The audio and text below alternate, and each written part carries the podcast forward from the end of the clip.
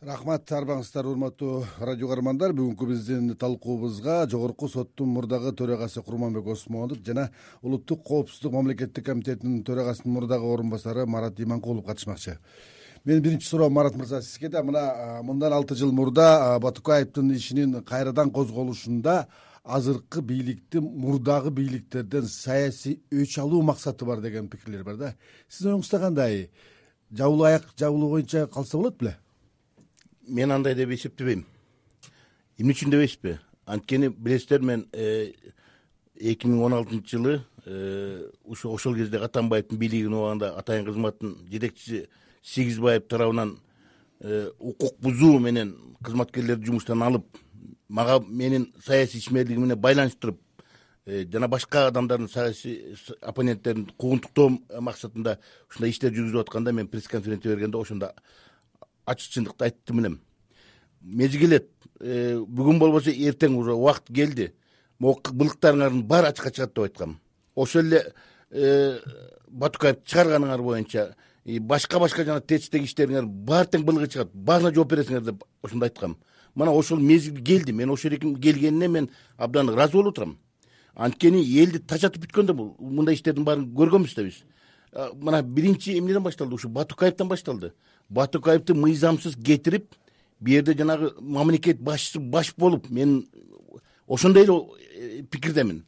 Болбосо саат иштегендей кылып туруп чыкылдатып биринин артынан бири тим эле милдетин тим эле чуркап барып даже апасына бир тууганына мындай жакшылык кылбайт тездетип. Кылаарбыз деп коюп жүрө берет а бирде тыпылдап жасап туруп жасегенде ушунун баарын координациялаган бирөө болгон. Ал ким? Мына азыр тергөөдө ачыгына чыгыш керек мына ошол жерки башаламандык ошо мыйзам бузуулуу менен ошондо жасап алды эле эчтеке кылбай койду эле жыйынтык мына депутатский комиссиянын жыйынтыгына такыр аткарбай койду эле. Аягында боло берет турбай деп анан кийин артынан тэц башталды жанагындай окшогон бүт баары башталды анан элдин мойнуна жанагындай миллиондогон миллиондогон жүз миллиондогон долларлар миллиарддар мойнуна илинди. Мына э, өз билемчилик ушкап келген мыйзам бузуу ушкап келген. Ушу эми аягына чыгыш керек ушул курманбек агай мына сиз э, юрист катары мурдагы э, соттун төрагасы катары ушул иш боюнча комиссияга мүчө катары айтсаңыз э, деги эле бул жарандын ден соолугуна байланыштуу түрмөдөн бошотууда бир кандай бир мыйзамдык чаралар бир талаптар бар? А бул батыкаевдин иши боюнча бир ошол талаптар аткарылдыбы же бузулдубу? Мен тактай кетейин мен ал депутаттык комиссиянын мүчөсү эмесмин мүчөсү болгон эмесмин бирок депутаттык комиссия комиссиянын ишине мени адис катары катыштырган. Ошол депутаттык иликтөөгө э, мындайча айтканда мен да катышып калдым. Эксперттик пикир катышып калдым. мен эми мунун укуктук жагына гана токтолоюн биринчи а дегенде эле бул э, жаза аткаруу мекемелеринин э, баягы тийиштүү кызмат адамы эмес башка адам. Ага ыйгарым укугу болбогон адам тарабынан Э, сотко сунуш э, келтирилген да келтирилген. Ошол комиссия иштеген учурда ошол ишти э, материалды соттук материалды караган судья менен дагы сүйлөшкөнмүн прокурор менен дагы сүйлөшкөнмүн. Ошо комиссиянын комиссия мүчөлөрүнүн көзүнчө кабинетте бир топ нерселерди тактаганбыз. Биринчи кезекте мен эми жанагы э, доктурлардын э, оору эмес экени жөнүндө э, корутундуларына токтолбой эле коеюн. Биринчи кезекте жанагы ненадлежащее лицо деп коет. Тийиштүү адам аркылуу киргизилген эмес. Экинчиден бир күндө тездик менен каралат. Бул иш бирок мыйзам боюнча мыйзам боюнча ошол соттук материал каралып аткан мезгилде баягы батукаев соттолгон негизги кылмыш иши ала медин районунда э, баягы көп жылга соттолгон ишин суратып алыш керек болчу. Сөзсүз түрдө милдеттүү түрдө суратып алып ошол иштин материалдары менен жана башка кошумча материалдарды сот суратып алып э, ошол материал менен чогуу караш керек болчу. Мунун бири да жасалган эмес. Экинчиден ошол медиктердин корутундусу ошондо эле шек жараткан. Шек жаратканда сот ыйгарым укугу дагы и милдети дагы болчу. Комплекстүү түрдө комплекстүү соттук медициналык экспертизаны кайра дайындаса болот болчу.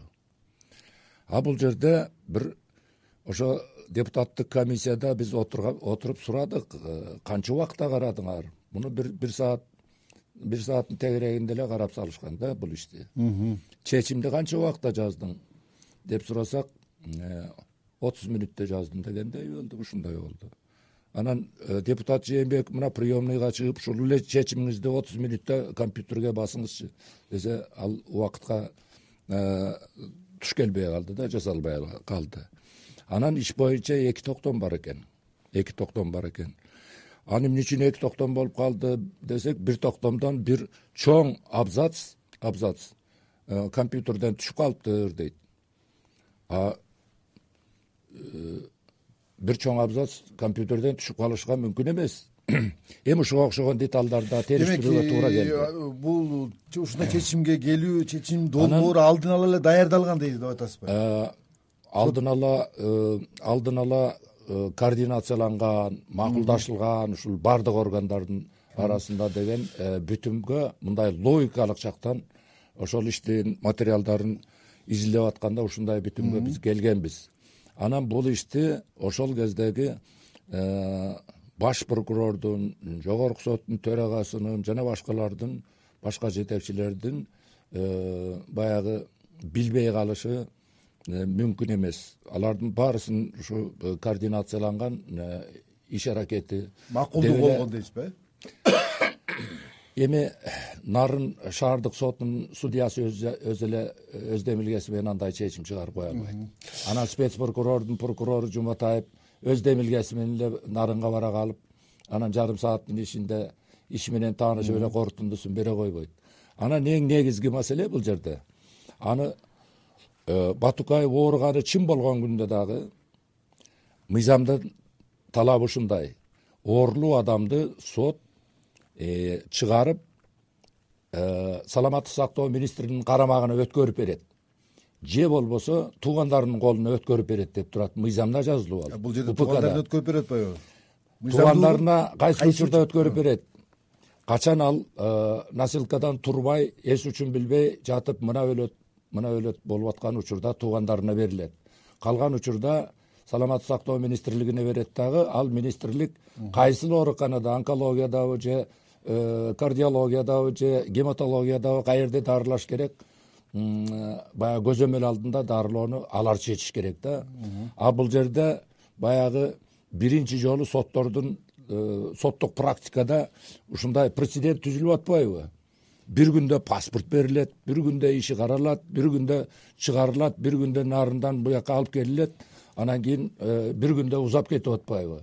Анан дагы бир нерсе мен э, жаза аткаруу мекемелеринин ишин дагы билем. Э, мурда юстиция министри катары анан аскерде дагы ошол ички аскерлердин да кызмат кылганмын. Мына режимный объект деп коет түрмөлөрдү түрмөнүн территориясына бир дагы башка гражданский машинелер киргенге укугу жок. Кирүүгө категорический тыюу салынган мыйзамдар боюнча инструкциялар боюнча ведомстволук приказдар боюнча.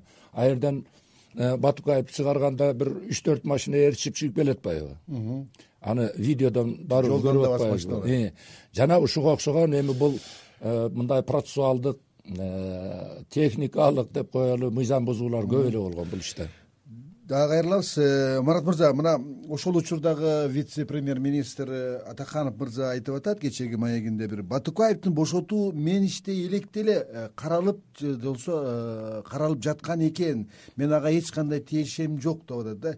Деги эле ошол учурдагы бийликтегилердин бул ишке бошотууга мындай таасири тийиштиги же болбосо мындай колдоосу болгон деп эсептейсизби колдоосу болгон деп эсептебей эле мен ошондой деп ишенем мен эми атаканов кылтыйтуу эмнени чыгарып атат аягына чейин айтпайбы. А дегенден кийин бсынды айтыш керек да. Ким тарабынан каралып аткан кандай сөздөр болуп аткан кандай деңгээлде ал каралып аткан кайсы ведомство каралып аткан же мамлекет башында же өкмөттө каралып атканбы? Мына ошону ачыгын айтыш керек эле да. Значит ал азыр кылтыйып эмнени айтаарын билбей турат азыр. Эми ушул экинин баарын мына тергөө жүрүп атат тергөөдө баарын айтып бериш керек.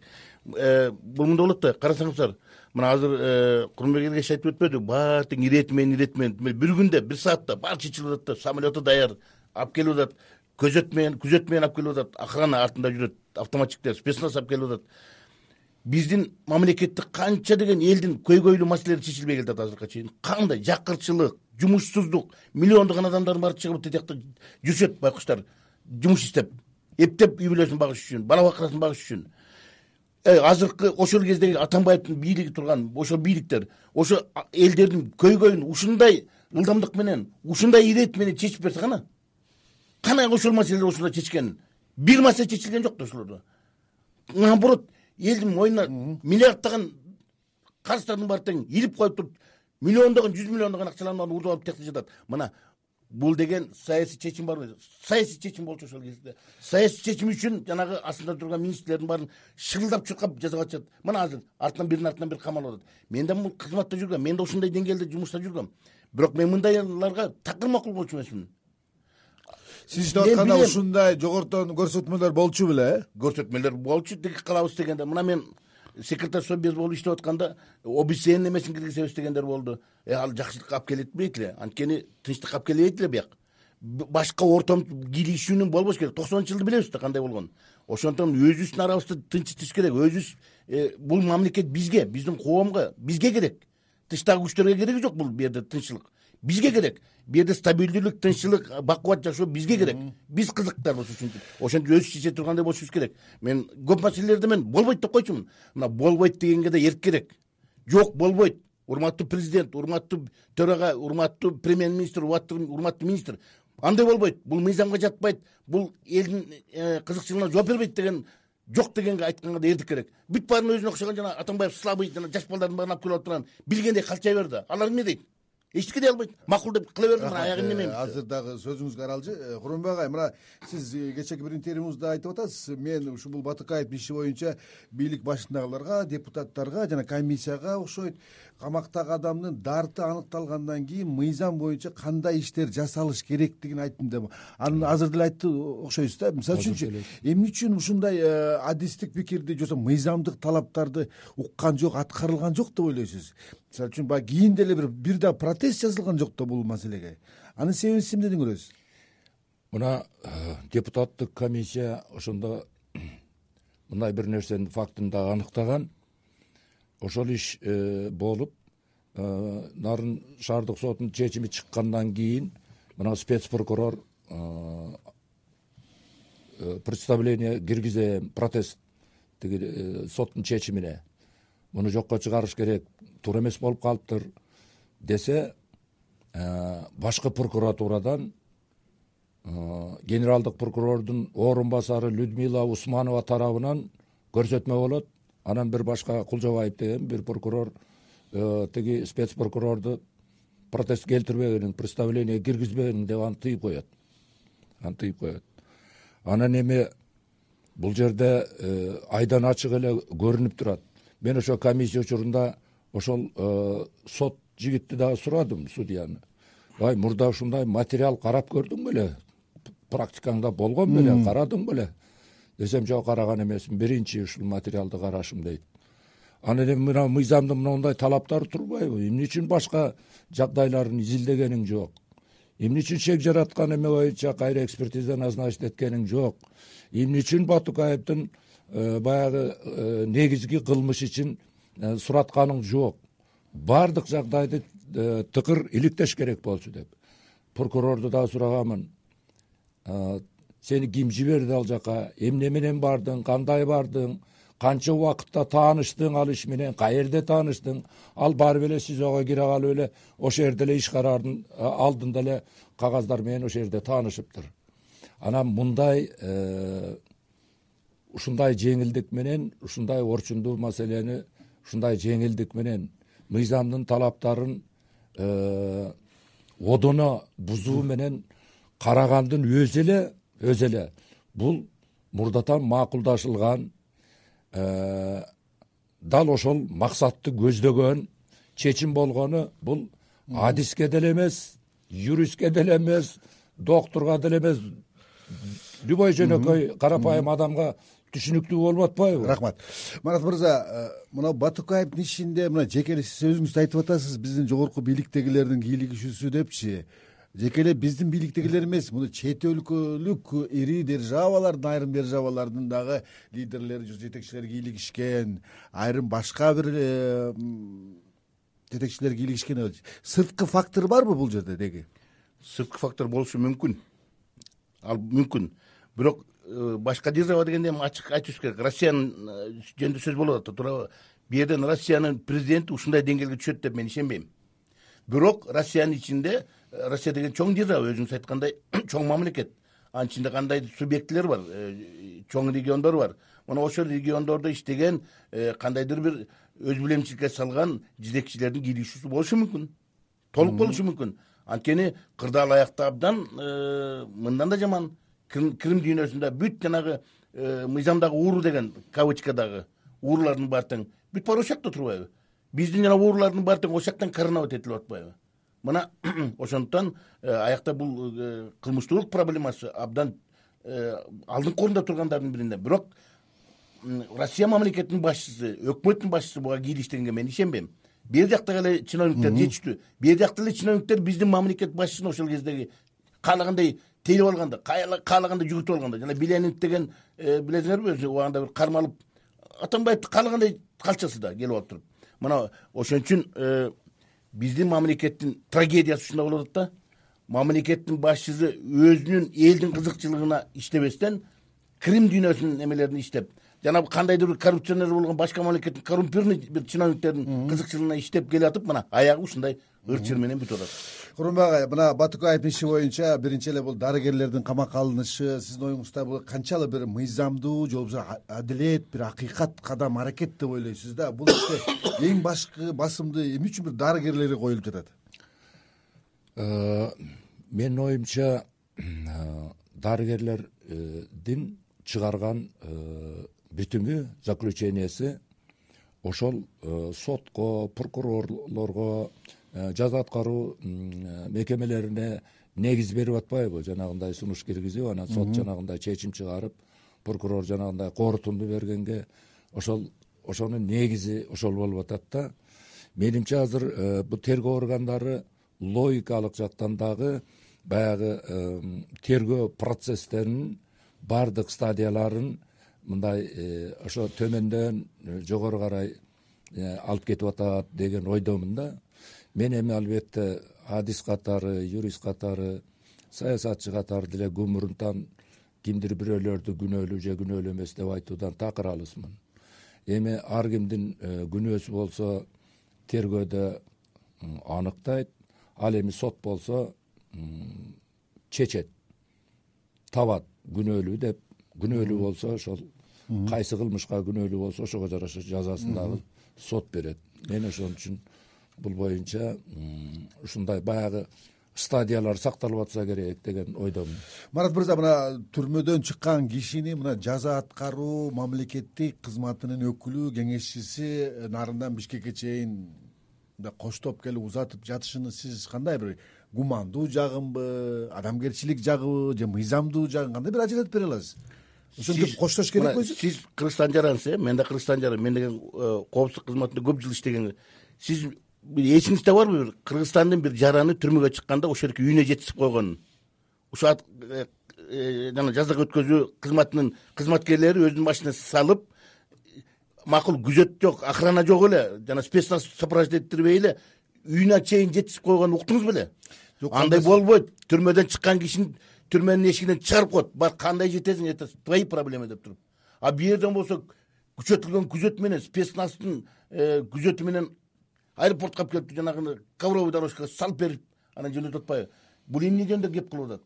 Бул деген чоң бир үстүндө турган установканы аткарышкан бул. Чоң деген бир заданияны аткарышкан. Баары тең ошол аткаруу жазык аткаруу э, ведомствосу э, жанагы министерство здравоохранениясы прокуратурасы соттордун баары тең бир указанияны аткарып бир э, эмеден жанагындай бир кол болуп иштеп беришкен. Аны эми мына мен ойлойм бул тергөө эгерде тергөө объективный өтүп тергөө эгерде мондай жакшылап тергей турган болсо баары ачыкка чыгыш керек. Анан бул жерден саясат иштеп атпайбы ошол кезде он үчүнчү жыл мына болуп аткан. Он эки он үчүнчү жылдары билесиңерби бийлик уже узурпациялана баштаган. Бийлик мамлекеттик бийлик бир кишинин колуна өтө баштаган. Атамбаевдин колуна өтө баштаган. Мына ошонун кесепетинен азыркы бүт жана болуп аткан проблемалар ошондон чыгып атат да. Өз билемчиликке чалып атат. Мынакей музей тэц жанагы жолдордун баардыгы акчалар миллиарддаган акчалар уурдалды да ошол бул пробный болчу. Батукаевди биринчи чыгарып алды. Анан все биз жанагы узурпация бийликти алуу толук биздин колубузга өттү. Эми билгенибизди кылабыз деп анан билгенин кылды. Аягы эмне бүттү? Мына аягы азыркы отурабыз азыр монтип курманбек агай мындай бүгүнкү сөзүбүздү жыйынтыктап берсеңиз эгерде бүгүнкү сөзүбүздү мындай э, жалпылап жалпылаштырганда аяктаганда бул батукаевдин иши биздин мамлекеттүүлүгүбүзгө мамлекеттүүлүгүбүздө мыйзамдуулукка бир улуттук ар намыска бир жагынан кандай таасир тийгизди деп ойлойсуз мамлекеттик органдарга сот органдарына кандай сабак болуш керек? Ушуну улантып берсеңиз. Мына уголовная политика деген түшүнүк бар. Ооба. Э, бул мамлекеттин ички саясаты да. Ички саясатты мамлекеттик органдар э, жүргүзөт. Өкмөткө э, караштуу жана биз атап өткөн органдардын баарысы ички саясатты аткарат да иш жүзүнө ашырат. Демек бул э, кыргызстан мамлекети үчүн э, өтө бир э, мындай орунсуз орунсуз иш болду. Ачык эле айталы уят иш болду. Өзүбүздүн мамлекеттик органдар өзүбүздүн мамлекетибизде кабыл алынган ушул жөнүндө мыйзамдарды одоно түрдө бузуп атканы ар бир адамга белгилүү болуп калбадыбы марат мырза бир кырк секунд калды. Кыска эле э, мына азыркы ушу батукаев эле эмес. Кыргызстан болгон кыргыз мамлекетинде болуп аткан көп жылдардан бери он чакты жылдардан бери болуп аткан жанагы бешинчи жылдагы окуялар онунчу жылдагы окуялар азыркы болуп аткан жанагы уурулар чоң масштабтагы уурулардын баары тең эмне себептен болуп атат. Анткени мамлекет курууда принциптер бар. Бийлик жүргүзүү мамлекетти курууда ошо мамлекеттик принциптери адилеттүүлүк принцип эң биринчи турган эмелер. Мыйзам мыйзамдуулук принципи бар. Эң биринчи турган мыйзамдуулук адилеттүүлүк принциптердин баары тең талкаланган. Алар аткарылган эмес аны менен эч ким эсептешкен эмес мына аягы келип ушун талкаландыгы рахмат э, урматтуу радио көрөрмандар бүгүн биз батукаевдин иши коррупциялык схеманын жыйынтыгыбы же болбосо саясий чечимдердин натыйжасыбы деген суроолордун тегерегинде талкуу кылдык бүгүнкү биздин талкуубузга жогорку соттун мурдагы төрагасы курманбек осмонов жана улуттук коопсуздук мамлекеттик комитетинин төрагасынын мурдагы орун басары марат иманкулов катышты. Берүүнү мен бакыт оорунбеков алып бардым. Кайрадан эфир аркылуу жолукканча саламатта калыңыздар